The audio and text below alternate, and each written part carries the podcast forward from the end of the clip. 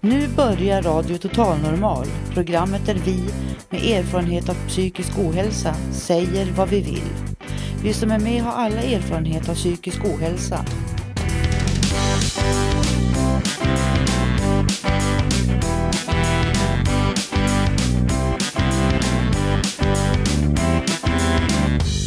Du lyssnar på Radio Total Normal 101,1.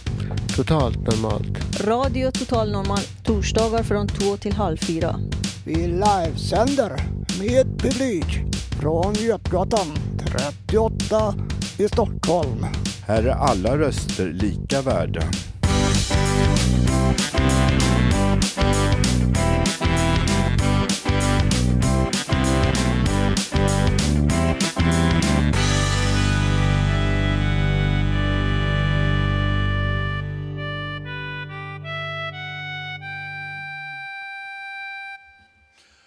Hej och mycket välkomna till Radio Total Normal denna torsdag 24 januari. Har vi någon publik här? Det strömmar in folk, en vissling, hoppas den var positiv.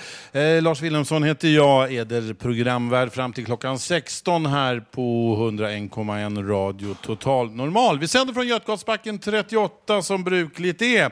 Fountain House lokaler, vi är i köket och eh, det luktar lite bullar och sånt eh, kommer så småningom. För er som är här, eh, är ni i närheten så titta gärna upp. Allting är gratis och vi bjuder på en härlig radioshow fram till klockan fyra.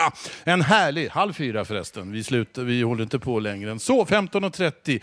Vi har en härlig blandning. Det ska handla om förlossningspsykoser, självhjälp och en del lite lättare ämnen, mycket humor, skratt och musik. Men vi ska börja med eh, Pebbles Karlsson Ambrose, välkommen. Tack. Mm, som ska intervjua Inger Engqvist. Ja, tack. Som är, ja, du får presentera det, lektor i... Ja, Psykiatrisk omvårdnad. så låter det. Du har tränat på de orden. Något, det är lätt, ja. lätt att precis. snubbla. Varsågoda. Ja, du har forskat på eh, kvinnors egna upplevelser om förlossningspsykoser. Ja, precis. Eh, Hur vanligt är det egentligen att få en förlossningspsykos? Det är en till två kvinnor per tusen nyförlösta som får det här, alltså en till två promille. Och nästan alltid så fordrar det psykiatrisk sjukhusvård.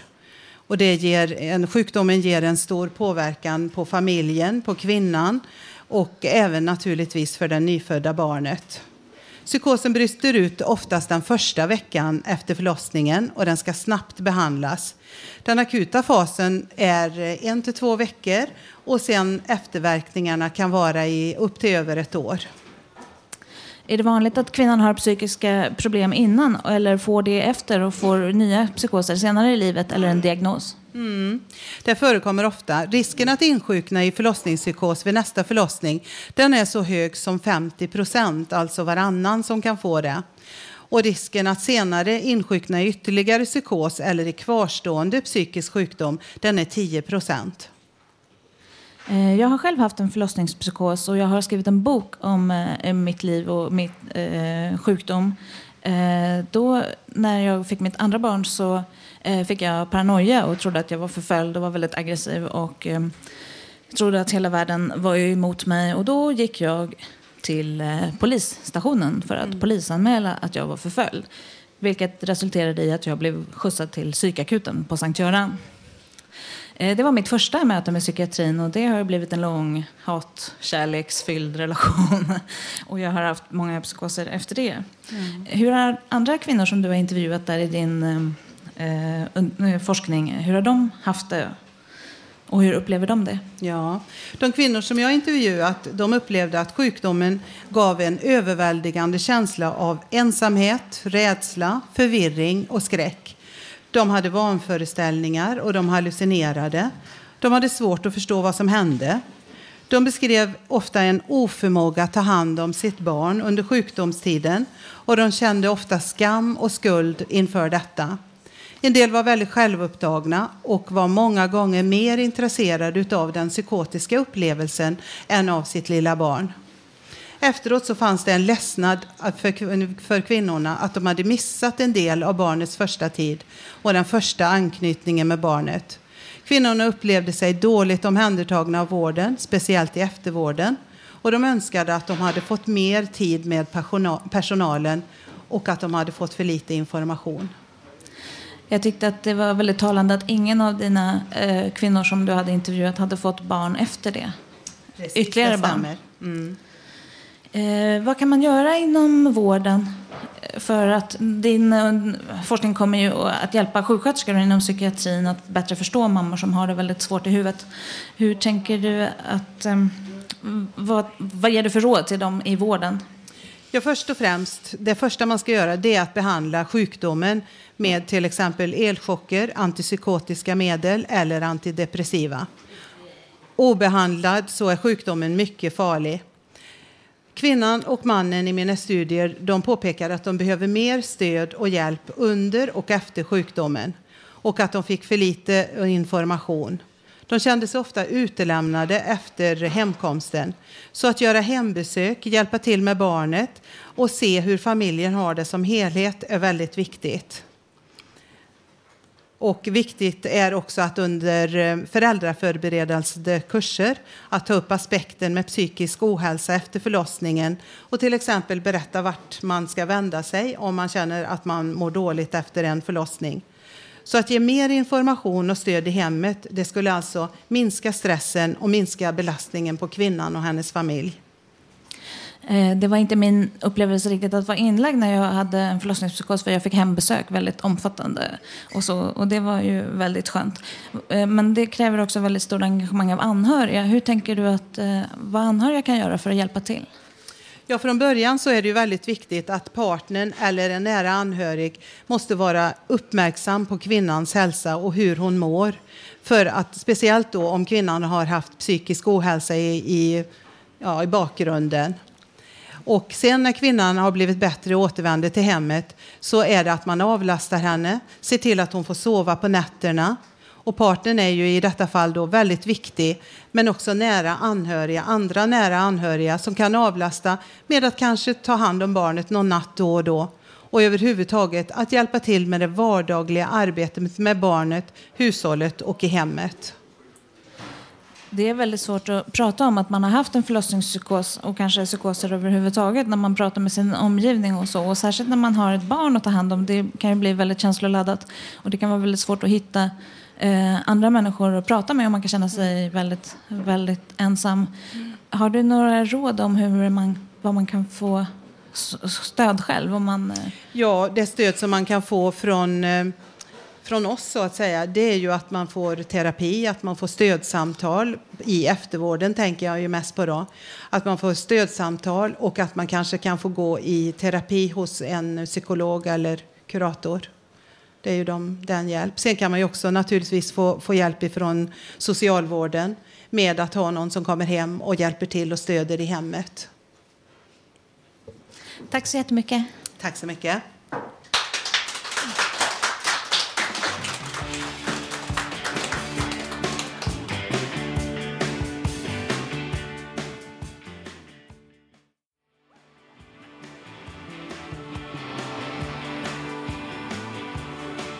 Först ut musikaliskt i dagens program i Radio Total Normal Rolling Stones. Det här var en låt från 89, deras LP Steel Wheels, en av mina favorit eh, album faktiskt. På den tiden när till och med Bill Wyman var med. Det var en härlig konsert som visades här nu eh, med Rolling Stones före jul. De visar att de kan än och de ska också ut på turné även detta år för nu, de har nämligen beviljats eh, färdtjänst mellan sina gig. Så det kommer att gå bra.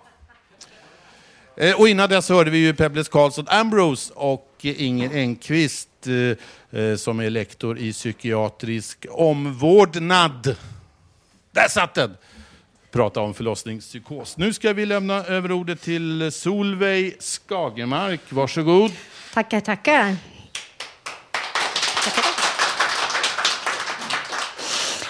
Eh, jag tänkte tala lite om vad musiken haft för betydelse i mitt liv. Mina föräldrar var musiker min pappa komponerade slagers och satte varje år sökte varje år till Melodifestivalen. Som ung var de ute och, och turnerade och spelade på hotell. De spelade jämt. Olika musiker var hemma hos oss och bodde där ibland. Bland annat en ungersk familj. Det var musik dygnet runt. Våra grannar kallade oss för Cirkus Wallin. Jag vaknade som liten med melodier i huvudet och ville spela på morgnarna. Det gick ju inte, så då började jag måla. När jag sen spelade på pianot var det som om tonerna fick olika nyanser av färger. Jag målade kan man säga med pianot. Min pappa lärde mig boogie-woogie. Han var hemma för han var otroligt sjuk eh, mycket under min uppväxt. Jag var pappas flicka. Min pappa dog när jag var tio år ungefär. Det var en enorm sorg som vi inte pratade om så mycket. Jag kom i en slags dimma, spelade moll i ungefär åtta år. Och min mamma konstaterade, du spelar bara moll. Jag började lyssna och dansa till klassisk musik hemma. Beethoven, Stravinsky och Grieg. Dansade som, en, ja, som älvor och troll och allt vad man kan göra. Min mor hade roligt åt att jag frågade henne en gång om Beethoven var lika bra som pappa. Jag talade och grät genom pianot. Fick ut mina värsta sorg. Musiken har betytt att jag kunnat bearbeta sorg och andra dramatiska känslor. Fick jag ut mycket känslor genom att dansa till musik och spela. Musikspelandet, dansen, sången och målandet hör ihop. Hade jag inte haft det hade jag inte varit bewinning eller Charlie Kina som jag kallar mig ibland. Om Shanti. Det betyder gå i frid. Så ska jag sjunga en liten sång som jag sjöng när jag var liten. Eh, när jag var ute i skogen med mina katter. Så eh, hoppade jag från sten till sten och sjöng en sång på varje sten ungefär. Och då sjöng jag bland annat den här. Om det.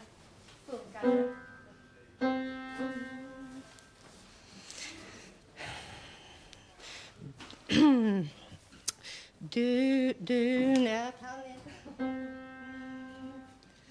Mm, du, du lindar av Volvon en midsommarkrans så hänger den om ditt hår.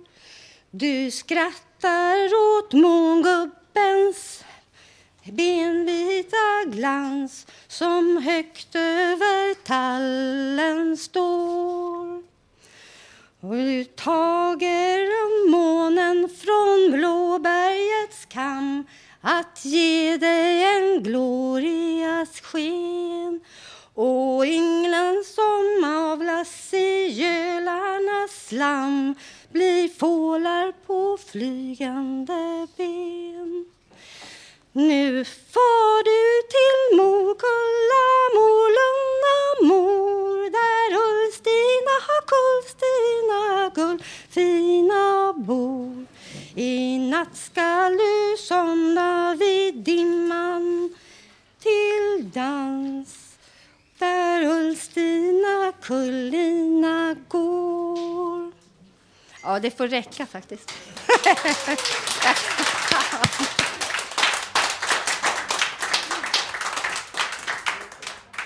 Solveig Skagemark var det. Visa vid midsommartid var hon sjöng. Rune Lindström har gjort musiken och Håkan Norlén har skrivit texten. Det är sånt jag vet. Jag vet inte varför, men så är det. Eh, men innan vi har midsommar så ska vi väl eh, få vår någon gång, även om det temperaturmässigt verkar långt. Men det kan gå fort. Redan nästa vecka ska det bli lite ljummare vindar över Stockholm. Det blir sånt här härligt slask som vi får gå i till att börja med. Jag har gjort en liten vårdikt som eh, man kanske kan peta in här. Och den heter helt enkelt Våren. En väntan på våren, eller en längtan till våren. Var är den? När kommer den? En väntan som fortfarande känns svår. En längtan fortfarande lika stark som igår. Men våren är som en gammal vän. En vän som dyker upp igen, stannar en stund för att svika mig sen, men kommer tillbaka som en kär gammal vän.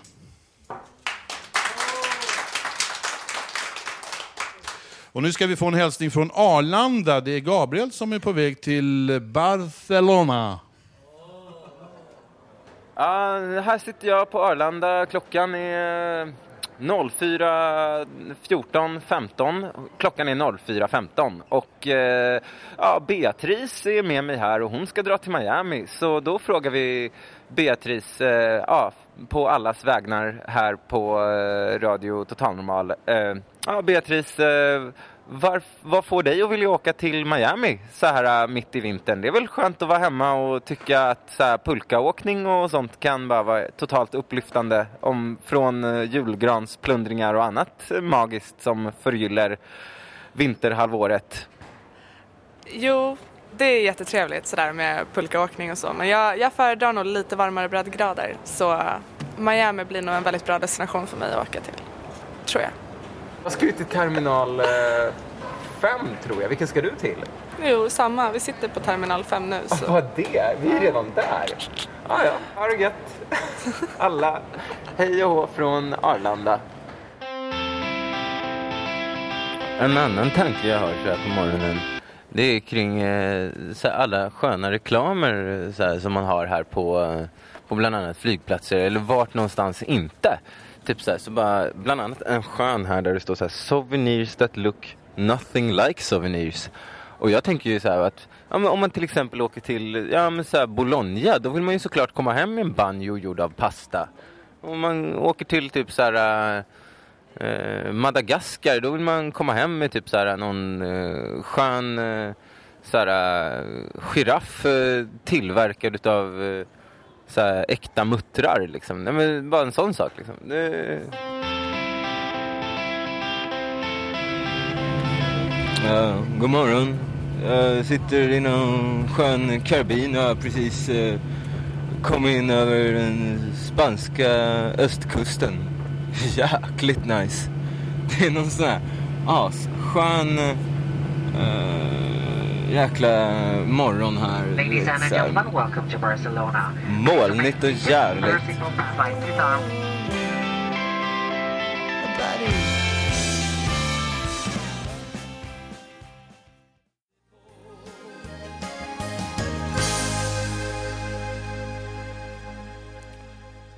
Radio Total Normal, vi hörde där eh, Tommys med tre små ord. Det var väl härlig musik. Det var en som var uppe och dansade här, Leif Loket Olsson. Vad säger du?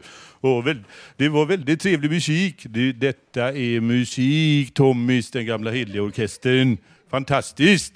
Ja, nu är det Bingolotto. Nej, det är inte alls Bingolotto nu, utan vi ska fortsätta med eh, Hasse Kvinto. Förresten, Loket, har, brukar du ofta vara i Stockholm? Jo, jag var ofta i Stockholm. Förra veckan var jag i Saltsjöbaden. Saltsjöbaden, vad gjorde du där? Och du läste väl i tidningen? Loket hälsade på i Saltsjöbaden.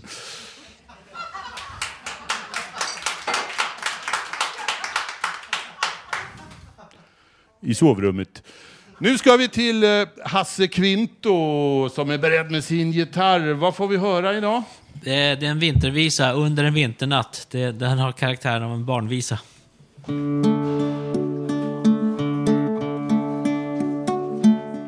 Under en vinternatt hinner många flingor falla under en vinternatt hinner marken täckas av vit snö. Snö som faller ner och det blir mer. Snö vi kan leka i imorgon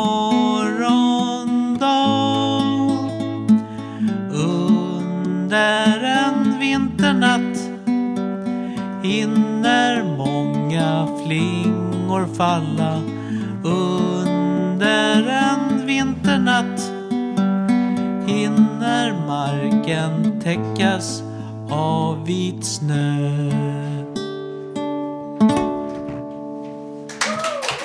Tack så mycket. Tack, tack.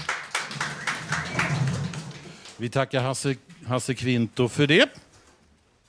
Och det kan väl bli ett nytt gästspel av Hasse så småningom, här i vinter innan det blir vår. Nu ska, är det Agneta Källströms tur här i Radio Total Normal när klockan närmar sig halv tre på eftermiddagen. Vi håller på drygt en timme till, till 15.30, men varsågod nu Agneta. Tack så mycket. Hej, det är jag som är Agneta och de säger att jag är knäpp, men det skiter jag i. Och nu ska jag... Tack så mycket. Nu ska jag prata om allt det där som man måste hinna med att göra varje dag. För enligt experterna va, så ska man varje dag ska man ägna minst en halvtimme åt medveten självreflektion genom att skriva dagbok. Och man ska ägna 15 minuter åt att göra ansiktsgymnastik. Så här, äh, oh, oh. Och 15 minuter att göra fotgymnastik. Och så kan man borsta tänderna två gånger två minuter med vänster hand samtidigt som man står på ett ben för att öka sin kreativitet. Och sen ska man koka och dricka avkok på färsk ingefärsrot för att föryngra sina celler. Och sen ska man meditera en halvtimme en gång om dagen också för att lära sig hantera stress. Och om man ska göra allt det som tar en kvart om dagen, då blir det sammanlagt fyra timmar om dagen. Det har jag räknat ut.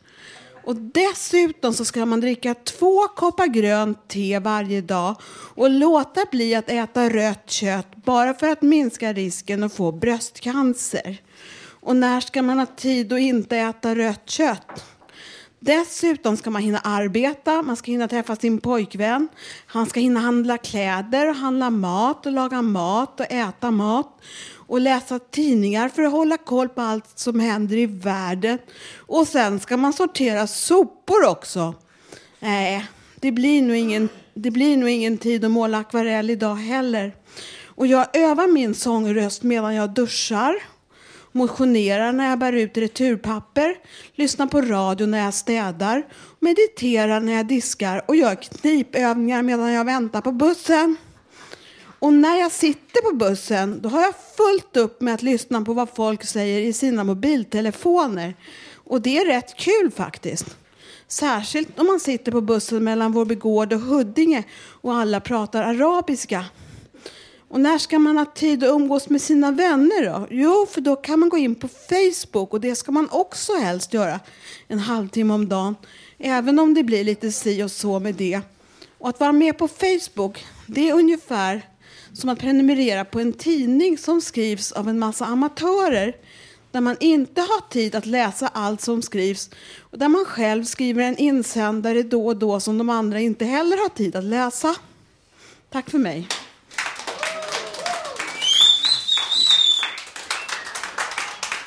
Agneta Källström. Ja, Facebook. Man ska ha sina vänner på Facebook. Då får man vara i fred. En del hör ju aldrig av sig. Man ser att de är inne varenda dag men, eh, och surfar, men frågan är vad de gör. Jag lägger ut bilder sådär och lite kul grejer, men eh, en del eh, gör aldrig sånt. En som inte vet vad den här gilla-knappen är, vi kan säga det. När man trycker på gilla, då kommer det upp en text som står sluta gilla. Och det, det, är ju väldigt snabbt, man gillar det. Jag vet en kompis, här, inga namn, men eh, han eh, brukar klaga vid några tillfällen när jag har satt lite fina bilder på ett fotbollslag som jag tycker om, men som inte han tycker om. Men någon gilla-knapp, det har han inte eh, använt sig av. Han kanske eh, borde skaffa en sån där inte gilla-knapp. Ja, det är mycket sånt där med Facebook. Man måste ju hänga med. Och... Eh, en liten fråga här. Vem, vilken låt toppade Englandslistan för 50 år sedan? Exakt 50 år sedan idag i Swinging England. Ja, det är en som har eh, tjuvlyssnat på vad jag har sagt förut. Så. Jo, här har vi då Englandsettan för 50 år sedan.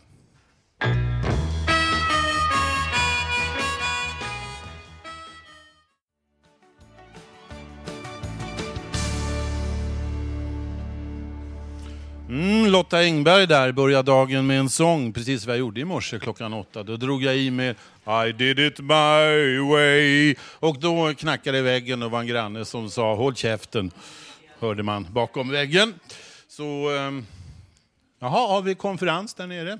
Trevligt, trevligt. Okej, eh, innan dess var det då Please Please med Beatles eh, första etta och sen behövde de aldrig se tillbaka. Men nu ska vi se framåt. Vi ska höra en intervju nu om vad självhjälpsgrupper kan ge. Som Radio Totals normalreporter Susanna har gjort. Vi sitter här och fikar på Söderhallarna nere och eh, har ett ljus tänt samtalar eh, lite. Eh, vill du presentera dig själv?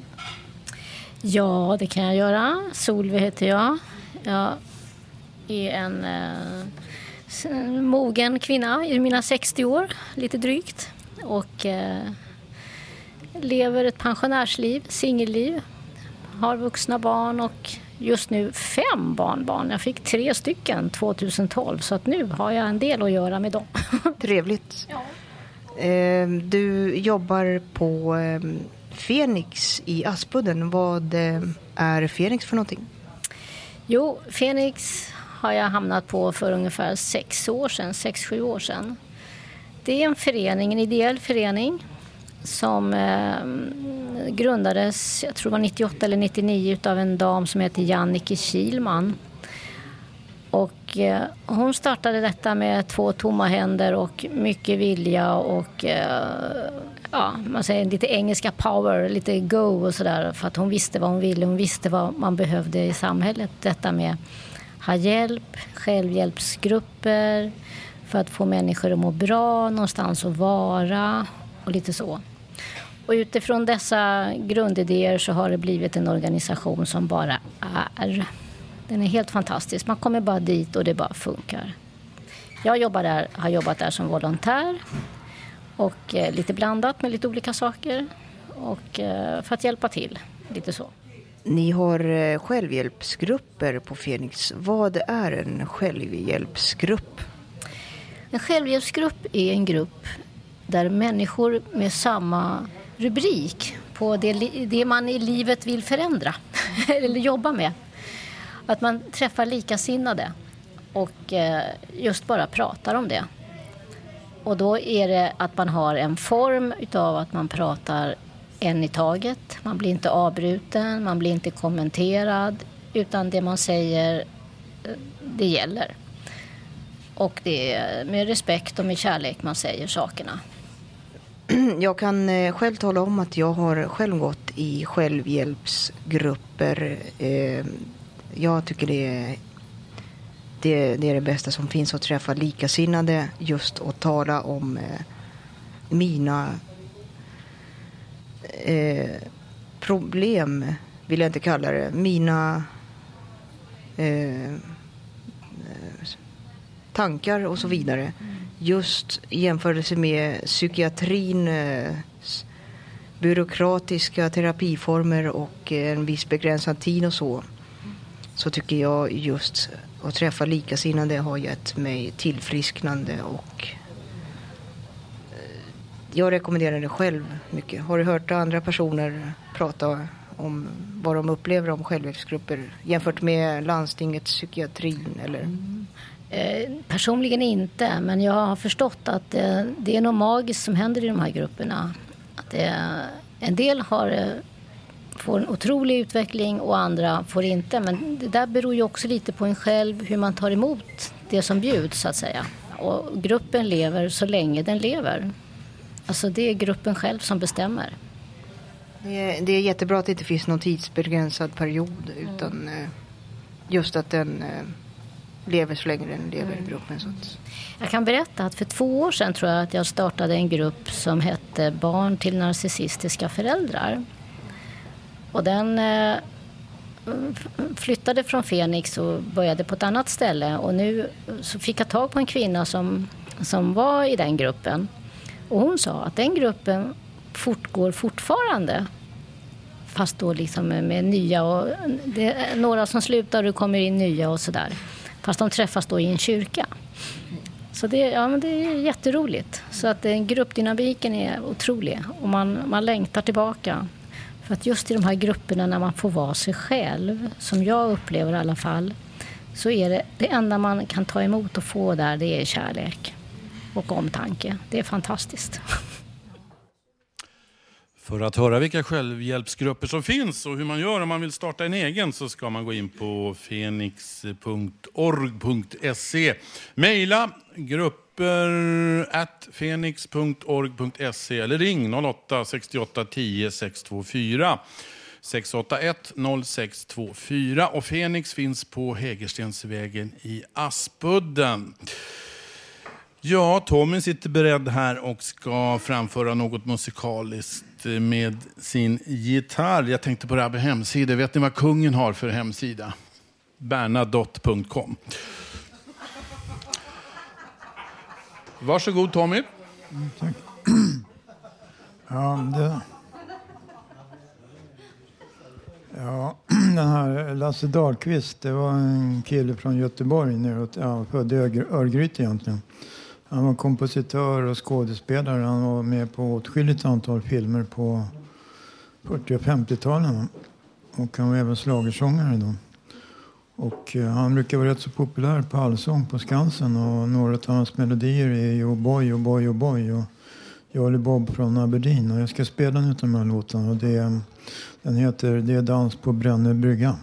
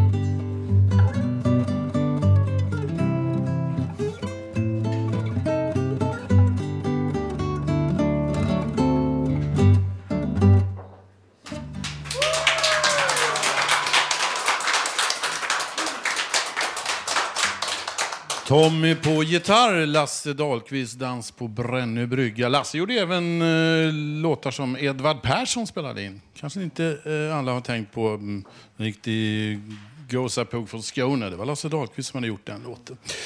Det kommer att tänka mig på det här med skärgårdar och eh, göteborgare och stockholmare.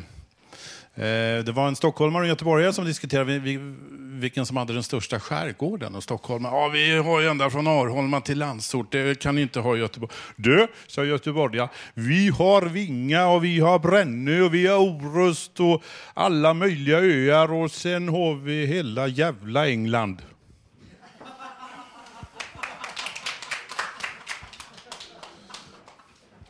Eh, jag har gjort, börjat skriva dagbok och jag tänkte om man skulle eh, översätta det där på en liten konst. Jag har ju även gjort en del sportreferat i min tid. Om man eh, gör en liten dagboksbeskrivning hemma hos mig som en sportreferent, till exempel som Lasse Granqvist, tror han skulle referera det här i radion. Mycket välkomna hem till Lars V och Morden Friends Arena. Och vi kommer in i matchen när klockan står på 8.34. Lars har inlett lite sömnigt men börjar vakna till, eller vad säger vår expertkommentator?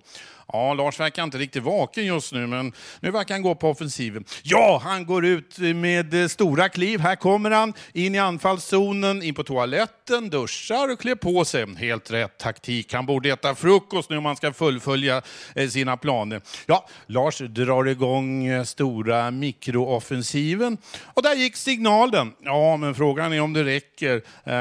Det blir nog en minuts förlängning av den här matchen. Ja, helt rätt analys. Lars passar på att svepa kaffet.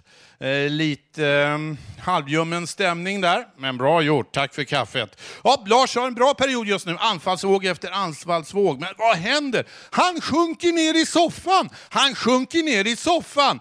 Ja, han verkar ju kolla in hem till gården. Och då vinner man ju inga matcher. Och där gick slutsignalen. Lars har somnat framför TVn. Nåväl, en ny match väntar ikväll för Lars och då på bortaplan. Och vad säger vår expert om det? Ja, det kan bli knepigt, men Lars har ju lyckats förr på bortaplan, så varför inte? Slut för nu från Morden Friends Arena. Vi ska över till skidskyttetävlingen i Vladivostok och säsongens 51 världscuptävling av sammanlagt 130. Tack för oss!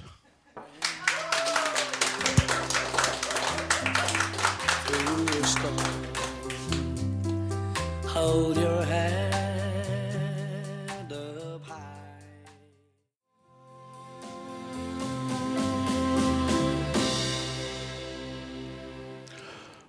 Jaron the Pacemakers, eh, You'll Never Walk Alone. Och vilket eh, fotbollslag eh, handlar det om? Vad säger Örjan Hasse Kvinto som har dröjt sig kvar här? Liverpools. Eh, den här spelas alltid på Liverpools hemmaarena Anfield före matcherna. Jag har stått där när 45 000 åskådare har sjungit den här. Och eh, då är det ståpäls. Släng dig i väggen Gunde Svan. Va? 63 eh, så... Eh, sen dröjde det ett antal år innan Liverpools fotbollslag tog åt sig den här låten och nu är det liksom deras signum. Och det, vi har en request här, Eh, om man ska prata svenska, eh, som eh, vill höra någon med Liverpool-dialekt. Jag tänkte läsa en liten, liten vers som är skriven av John Lennon, om han är bekant, som heter Good Dog Nigel. Jag ska försöka på Liverpool-dialekten här, ska vi se. Off, off he goes, I'm out of sight, a little hairy friend. Off, off upon the lampos bright, offing round the bend. Nice dog, goo boy, wag a tail and beg. Clever Nigel, jump for joy, because we're putting you to sleep at three o'clock, Nigel. Liverpool-dialekt, skaus, som det också eh, kallas för. Eh, nu ska vi få höra Thomas berätta om Gwen Stefani i No Doubt. No Doubt är inte sånt där enormt stort band. De slog igenom 95 med låten Just a Girl och spelar en blandning av ska och punk. Ska, om du undrar, är då i sig en blandning av rock och reggae. Så då blir det rock, reggae, punk. Annars hade du nog sett sångerskan och hennes utstyrslar, för bandet tog paus i flera år medan Gwen höll på med flera modeprojekt. Jag köpte deras samlade singlar för ett tag sedan. Hade letat efter en av deras skivor länge, men i sökande i flera år på second hand där hade jag inte fått napp. Men till slut hittade jag något. Designen på framsidan var snygg med metallic och svart och det var en ovanligt tjock CD-bok till. Så jag bländade igenom den snabbt som jag brukar göra för att se eventuella bilder. Utan någon tanke om att läsa musiktexterna. Men på motsatt sida till varje musiktext var det en lång flödande text. Så jag började läsa alla dem. Och det var en historia över varje låt. Det jag fastnade för var om låten Simple Kind of Life. Som man kan säga är en milstolpe i Gwens låtskrivande. Och som jag tror har en del att göra med att de släppte en soloskiva fyra år senare. Här kommer en översättning av CD-boktexten i alla fall. Den första låten med bandet som Gwen Stefani skrev helt och hållet själv, både sång och gitarr. Men det skulle inte hänt om det inte var för att bandet behövde material i sista sekund inför deras stundande album The Return of Saturn. Medan resten av bandet gjorde klart en annan låt, en trappa upp, så satt sig Gwen för sig själv med en nyfunnen talang inom gitarr och med ett anteckningsblock. Hon la ner låten på papper och skyndade sedan snabbt upp igen utropandes Jag tror jag skrev en låt, jag tror jag skrev en låt. Tom, gitarristen i bandet, erinrar sig med stolthet Gwens expertis inom gitarr för att skapa sitt eget material. Skriven på en fredag och redan den följande måndagen spelades den in. Inga omtagningar, inga stora studiotillägg. Adrians trummor mixades genom lo-fi-filter för att få en powerballadkänsla. Dess rena enkelhet behölls genom hela inspelningsprocessen. Låten blev ett självklart val att platsa på skivan och blev också den andra singeln. Ja, det är i alla fall en av mina favoritlåtar, no doubt. Namnet var då Simple Kind of Life från skivan Return of Saturn, släppt 2000. Musik och text av Gwen Stefani.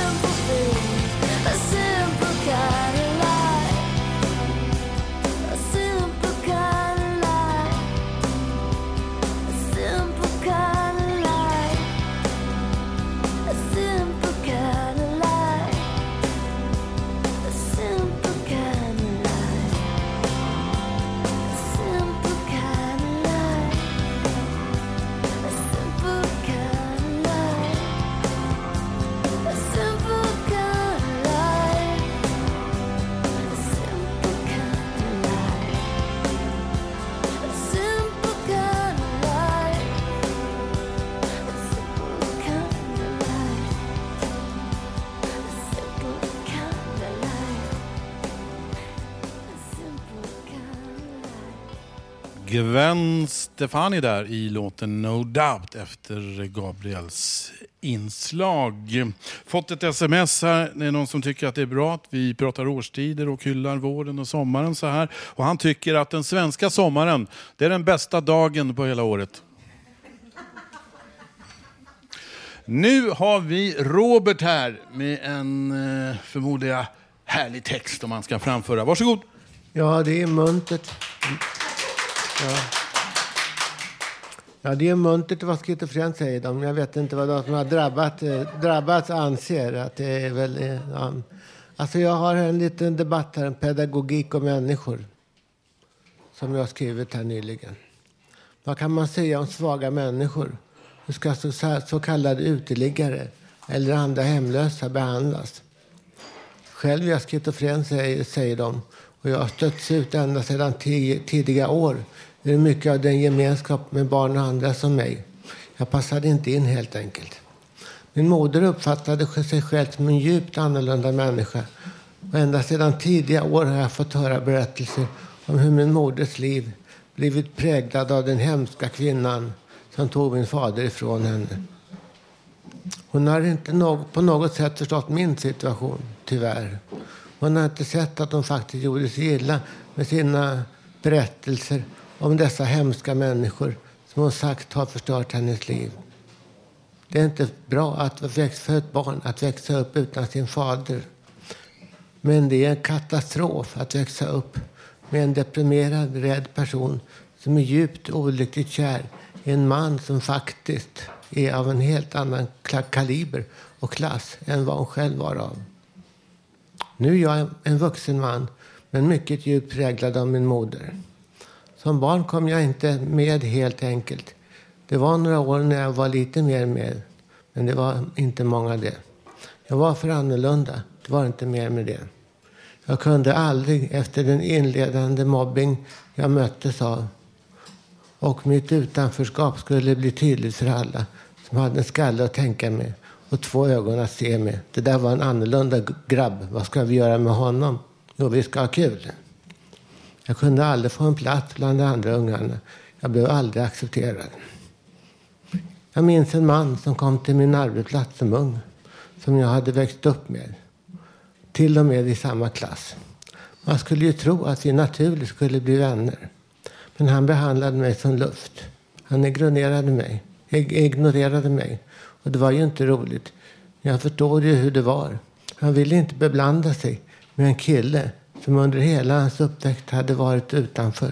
Han var en annan människa än mig. Han var en bättre människa än mig. Han behövde inte mig. Han gjorde som alla andra. Även om vissa av dem var öppet elaka och föraktfulla. Just han behandlade mig bara som luft. Men det var inte roligt. Även om jag var, var van vid hur det hade varit. Vad han gör idag, inte vet jag. Jag såg nyligen en yngre kille i en kyrka här helt nära. Det kan ju varit någon av hans bröders barn eller hans egna. Eller någon annan. Av en till, tillfällighet kanske. Men lika var det som han såg ut som, som ung man. Och denna kille såg man naturligtvis att han var ju helt normal. Det var inget fel på honom. Det, men det pratas om folk som oss. Som är utanför. Och som inte har en plats. Att vi skulle få en gemenskap. Att vi skulle tas upp som en alltså av alla andra i familjer och annat. Det fungerar inte. Man kan inte ta emot en uteliggare än någon annan i en familj som om det vore ens egna barn. Det finns inte resurser. Och det finns ingen pedagogik för den, för den ensamma människan eller familjen. Men även om det nog skulle kunna vara önskvärt i ett drömsamhälle. Det finns inte möjligheter. Även om det borde ses som våra bröder så är det inte det, just på så sätt. Det är folk som inte är som andra. Det finns ingen pedagogik, det finns inte, inte resurser. Jag läser Bibeln ofta för att jag har på grund av att jag var så ensam blivit tvungen att hitta på någonting. Och då fick man gå till kyrkan.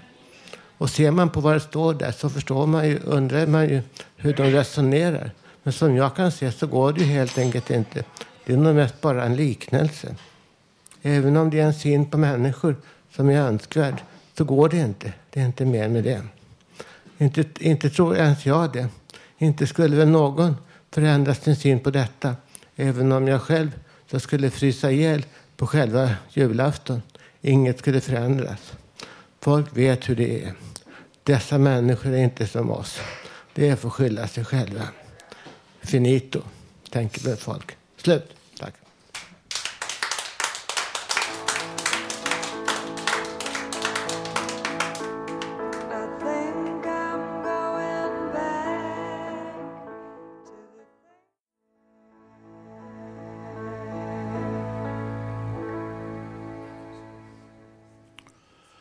Going Back, en låt av låtskrivarparet Jerry Goffin, Carole King. Och det var förstås Dusty Springfield, en av mina verkligt stora favoriter. Ingen kunde sjunga som hon. I USA trodde de att hon eh, var mörkhyad. Från, men sen var det en blond engelsk tjej som eh, hade många strängar på sin lyra. Och just den här låten, Going Back, spelar de på Dusty Springfields egen begravning. Och det var inte något öga som var torrt där, inte. Nu har Håkan tagit plats bakom mikrofonen och det ska handla om företagstrivsel, står det här i mina papper. Ja, det är vad det ska handla om. I förra veckans Radio Total Normal så hade vi ett inslag om en man som jobbar på ett stort företag. Han hade olika uppgifter. Trots att han genomförde sina uppgifter som han tyckte var bra så var ju inte hans chefer nöjda. De var lite besvikna på hans sätt. Och eh, det blev diskussion om det. Och han reagerade med, det, med deras dåliga attityd mot honom. Att de bara hittar på ett klagomål. Utan de i allt det andra. Men han upplevde det så. Med resultatet att han slutade på det företaget. Och jag har då ett för, förslag till er alla föredragsdrivare som att ni lyssnar på er personal och låter dem som går på golvet komma med förslag på hur man kan förbättra på arbetsplatsen. Och brister, visserligen kan det kosta en del, men det kan lika väl bli en vinst för företaget. Som att genom detta visar ni att ni bryr er om era arbetsgivare, arbetare som inte kan leda. Det kan leda till att de bara går och träffar sina kompisar på jobbet. Men själva jobbet som sådan, åh, det vantrivs de med. Ni hjälper även till med att skapa en tillsammans en stor trivsel i företaget. Kämpa på, för här på Fountain House, här trivs med varann. Även om vi har konflikter så löser vi det. Och det löser man inte bara genom att gå med piskan hela tiden. Tack för ordet!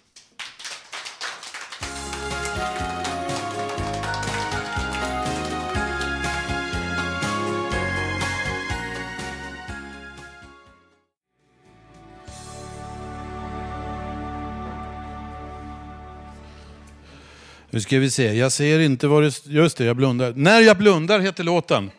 Och det var Kurt Hagers, så nu har den här Loket Olsson varit i farten och dansat och tagit sig en sväng om. Och även Sven Volter har dansat till den här låten. Hur är det Sven, ska man dansa åt vänster eller höger? Det är klart att man ska dansa åt vänster. Man ska inte dansa åt höger. Jävla moderatpropaganda. Ja, ja, ja. Nu ska vi få höra en dikt och några reflekterande ord av Karin Jo. Jag äger nycklarna till evighetsmaskin. Hänger du med? Båda två. Den ena går sakta, den andra går fort. Vem ska jag välja? Den ena varierar, den andra gör samma sak. Jag får inte välja. Den ena går upp, den andra går ner. De gungar tillsammans i samma takt. Ingen gör något för mer. Jag hoppar av. Det händer ju inget mer. Jag äger nycklarna till evighetsmaskin. Under min tid som textillärare var jag med om många skolavslutningar. Denna var speciell. Eftersom rektorn och flera av lärarna skulle sluta anade de att det inte skulle bli som förut. Jag var med om hur det blev sen och det stämde. Allt blev kaos för mig. Mitt enda fasta jobb inom skolan försvann och jag hamnade i oändligheten igen. En dikt av Karin Jo och eh, vi ska ha mer eh, ämne lyrik. Du, varsågod. Jag ska, idag ska jag läsa en dikt av Göran Greider. Och den står i boken Katterna kommer in från mörkret. Mina kläders befrielserörelse. Hela mitt liv har jag avskytt kläder. Det är mina motståndare. Och de kläder jag faktiskt bär liknar snarare ett slags uniform. Jag har 20 svarta t-shirt som bara jag kan skilja från varann.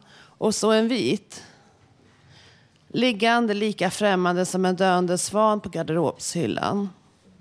Jag har sex, sju olika skjortor.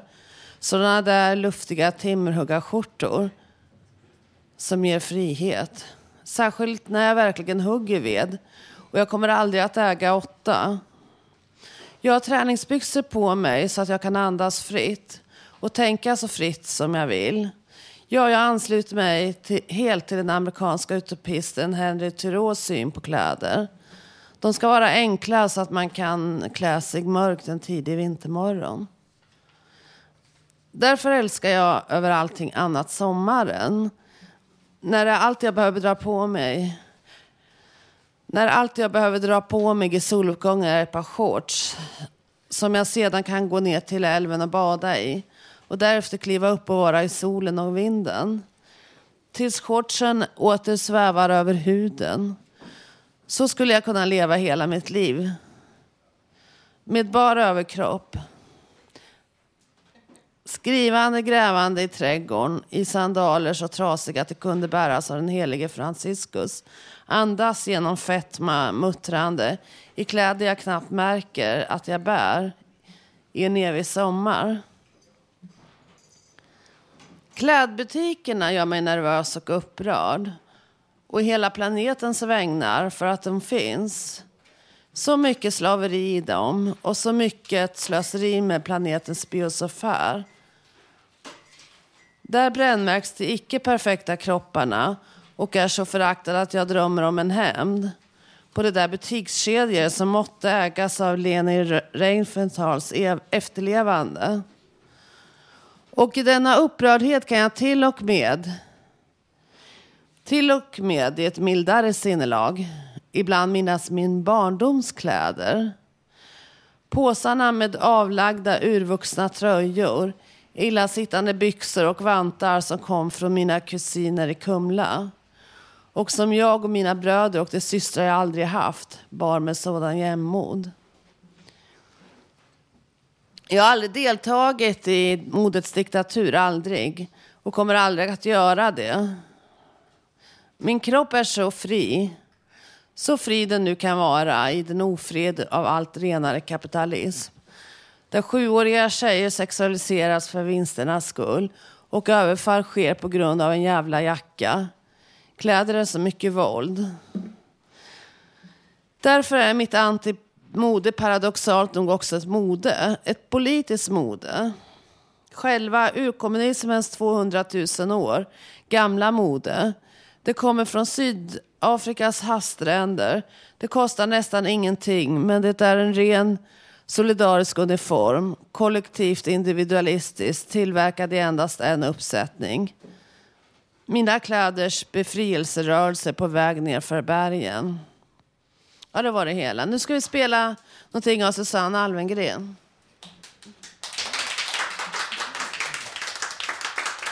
Eh, Susanne Alvengren eh, får vänta lite, men det kanske vi kan ta eh, något kommande program då. Gotländsk. Eh, när vi ändå är inne på dikter, nu är Tobbe otålig här. Du ska få prata. Eh, han står eh, med mikrofonen i högsta hugg. Men jag har en liten eh, dikt som heter Fånga dagen och som jag översatte till engelska. För jag har släktingar som eh, bor i eh, United Kingdom, Stora Britannien, som eh, gärna vill höra mina alster. Då översatte jag Fånga dagen till Catch the Day. Vad säger ni om den översättningen? Catch the day when it comes, fear the night when it comes. Which is the easiest, which is the hardest? If there's no day to catch, if there's no night to fear.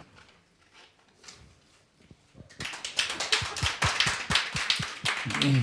Eh, innan vi tar Tobias här, Leif GW Persson, brukar du fånga dagen någonting? Ja, vars. Det brukar jag göra. Jaha, men senast gjorde du det? Ja, det där är knepigt att fånga dagen, men jag är bättre på att fånga saker än polisen, för de lyckas ju aldrig med någonting. Mm, tack ska du ha, Leif GW. Och nu Tobias! Ja Lasse, tack ska du ha. Härligt. Ja, vad kul. Jag flög in här lite i slutet här. Jag får sista ordet. Det tackar jag för. Jo, Tobias Torvid heter jag. och Jag är så tacksam över att få vara med här i Sveriges bästa lokalradio 2012. Stora radiopriset. Exakt allihopa. Jättefint, det är så kul. Och jag, jag har sagt här att jag ska vara lite mer allvarligare och lite mer seriösare nu och ta tillvara på det här forumet där man kan faktiskt få ventilera lite ilska och lite, lite negativ energi så att man sen kan få lite positiv energi från er. Det är nämligen så att jag ska berätta om vad som hände mig på tunnelbanan i morse. Två tråkiga saker hände. Jag känner mig nämligen väldigt kränkt. För det första så sitter jag och en kollega pratar eh, med varandra mittemot sådär. Så sitter det en eh, äldre man och läser tidningen bredvid oss och han, han stinker lite. Det var någonting jag märkte så fort jag satte mig där. Och det kanske förklarar varför han sa som han sa. Det är så att eh, bara några meningar efter vi har börjat prata, jag med kompis, så säger han så här, vänder sig mot mig så här. Bara, Jag har lite svårt för sådana där typer. Jag har lite svårt. Ja, uh, uh, så här. Håller på och jag känner, ursäkta, sa jag. Vad menar du nu? Så bara, och så kunde jag inte kolla på mig och så säger min kompis bara, nej. Detsamma sa hon och kollade på honom och så tog hon mig och så gick vi därifrån. Och jag bara kände så här, men vad var det som hände? Vad, vad har jag gjort? Och jag kan inte undgå att tänka på att jag vet inte om min diagnos har något med det att göra eller att jag är så hyperaktiv och glad och utåtriktad och kanske pratar lite starkt för somliga på tunnelbanan. De kanske ser det som en chans för att vila och reflektera men det känns som lite fel plats tycker jag att göra det på. Det är en stressig miljö och lite, det är ändå så högljutt och tokigt och barn skriker och det luktar illa. Varför ska man då anmärka på mig? Jag tycker det var jätteonödigt, jag känner mig jättekränkt. Så du man, 60 plus på tunnelbanan som lyssnar på det här, dålig stil, jag väntar på en ursäkt. Faktiskt. Lite så. Och sen, ja tack, tack hörni. Så ska jag dela med mig en sak till när vi ändå har så bra flyt. Jag måste få ventilera min ilska. Tack för att jag får göra det här i Radio Total Normal. Jo, det är så att precis innan jag kom hit nu, det här alltså, nu har det gått kanske fem timmar nu, nu åker tunnelbanan igen. Så pratade jag i telefon med min, med min kompis då, som jag satt med. Och tror ni inte då att det kommer fram en tant? Jag vet inte varför det alltid är 60-plussare som gör det här. Jag, det ligger ingen värde i det, men det, det är de som kommer fram till mig. Och så säger de så här. Ja, du pratar ju så högt så hela tunnelbanan hör. Varför, ska, varför kan du inte lägga ner telefonen och bjuda in oss alla i samtalet? Och då kände jag bara så här igen, ursäkta, tant. Vad har jag gjort? Jag, jag, jag vet inte vad som är på gång. Jag försöker sänka mig, jag tänkte på det för jag var fortfarande lite ärrad av det som hade hänt. Och, och tänkte så här, och varför, varför är jag så taskig? Och vad har jag gjort egentligen? Finns det inget snällt sätt man kan säga det på? Jag har bara försökt vara snäll och få bara skit. Ska jag liksom behöva sluta åka tunnelbana eller ska jag gå runt med någon skylt? Som, så... Tycker du det? Kan jag säga en gång till? Tobias, jag tycker du ska söka till scenskolan. Du har verkligen skådespelartalang och du är verkligen begåvad. Tack! Oj! De här gamla kärringarna, de är avundsjuka på dig. Tack ska du ha, vilken, vilken revansch det vore va? För de här äh, idioterna som jag kallar dem. Ja, ska vi skita i dem hörni? Ska vi, ska vi bara enas om det? Vi tar ingen skit här i Radio Total Normal. Tobias Trovid heter jag, tack för ert stöd, det var så skönt att få ventilera. Ja, tack ska ni ha, tack! Vad säger GW Persson då? Är Tobias begåvad? Eh, Ja, vars.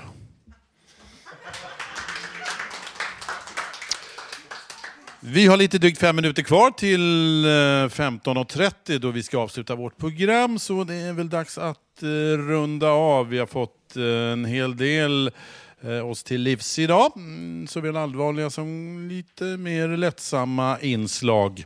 Nu är det så här, om jag hittar pappret. Jo, nästa torsdag då kör vi en specialare och sänder från konferensen Psykisk ohälsa, samhällets barn och unga på Stockholm Waterfront. Men sändningen är mellan 14 och 15.30. Sen kan ni alltid lyssna på det här programmet eller även tidigare program på radiototalnormal.se. Skriva i gästboken och komma med förslag. Gå in på vår Facebook-sida och titta på bilder. Dagens tekniker Gustav Sondén. Producenten Emma Lundenmark.